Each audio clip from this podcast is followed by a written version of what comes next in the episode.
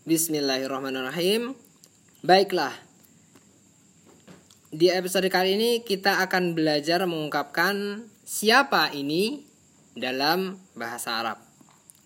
Nah, siapa ini dalam bahasa Indonesia ya, terdiri dari dua kata.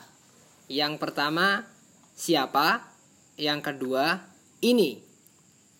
Nah, kita akan terjemahkan terlebih dahulu perkatanya. Yang pertama, siapa dalam bahasa Arab adalah man. Kata kedua adalah ini bahasa Arabnya hada. Nah, untuk mengungkapkan siapa ini dalam bahasa Arab, kita tinggal menyusun dua kata tersebut menjadi sebuah kalimat sempurna yang akan menjadi man hada siapa ini Nah, paham ya insya Allah ya. Kemudian bagaimana cara menjawabnya?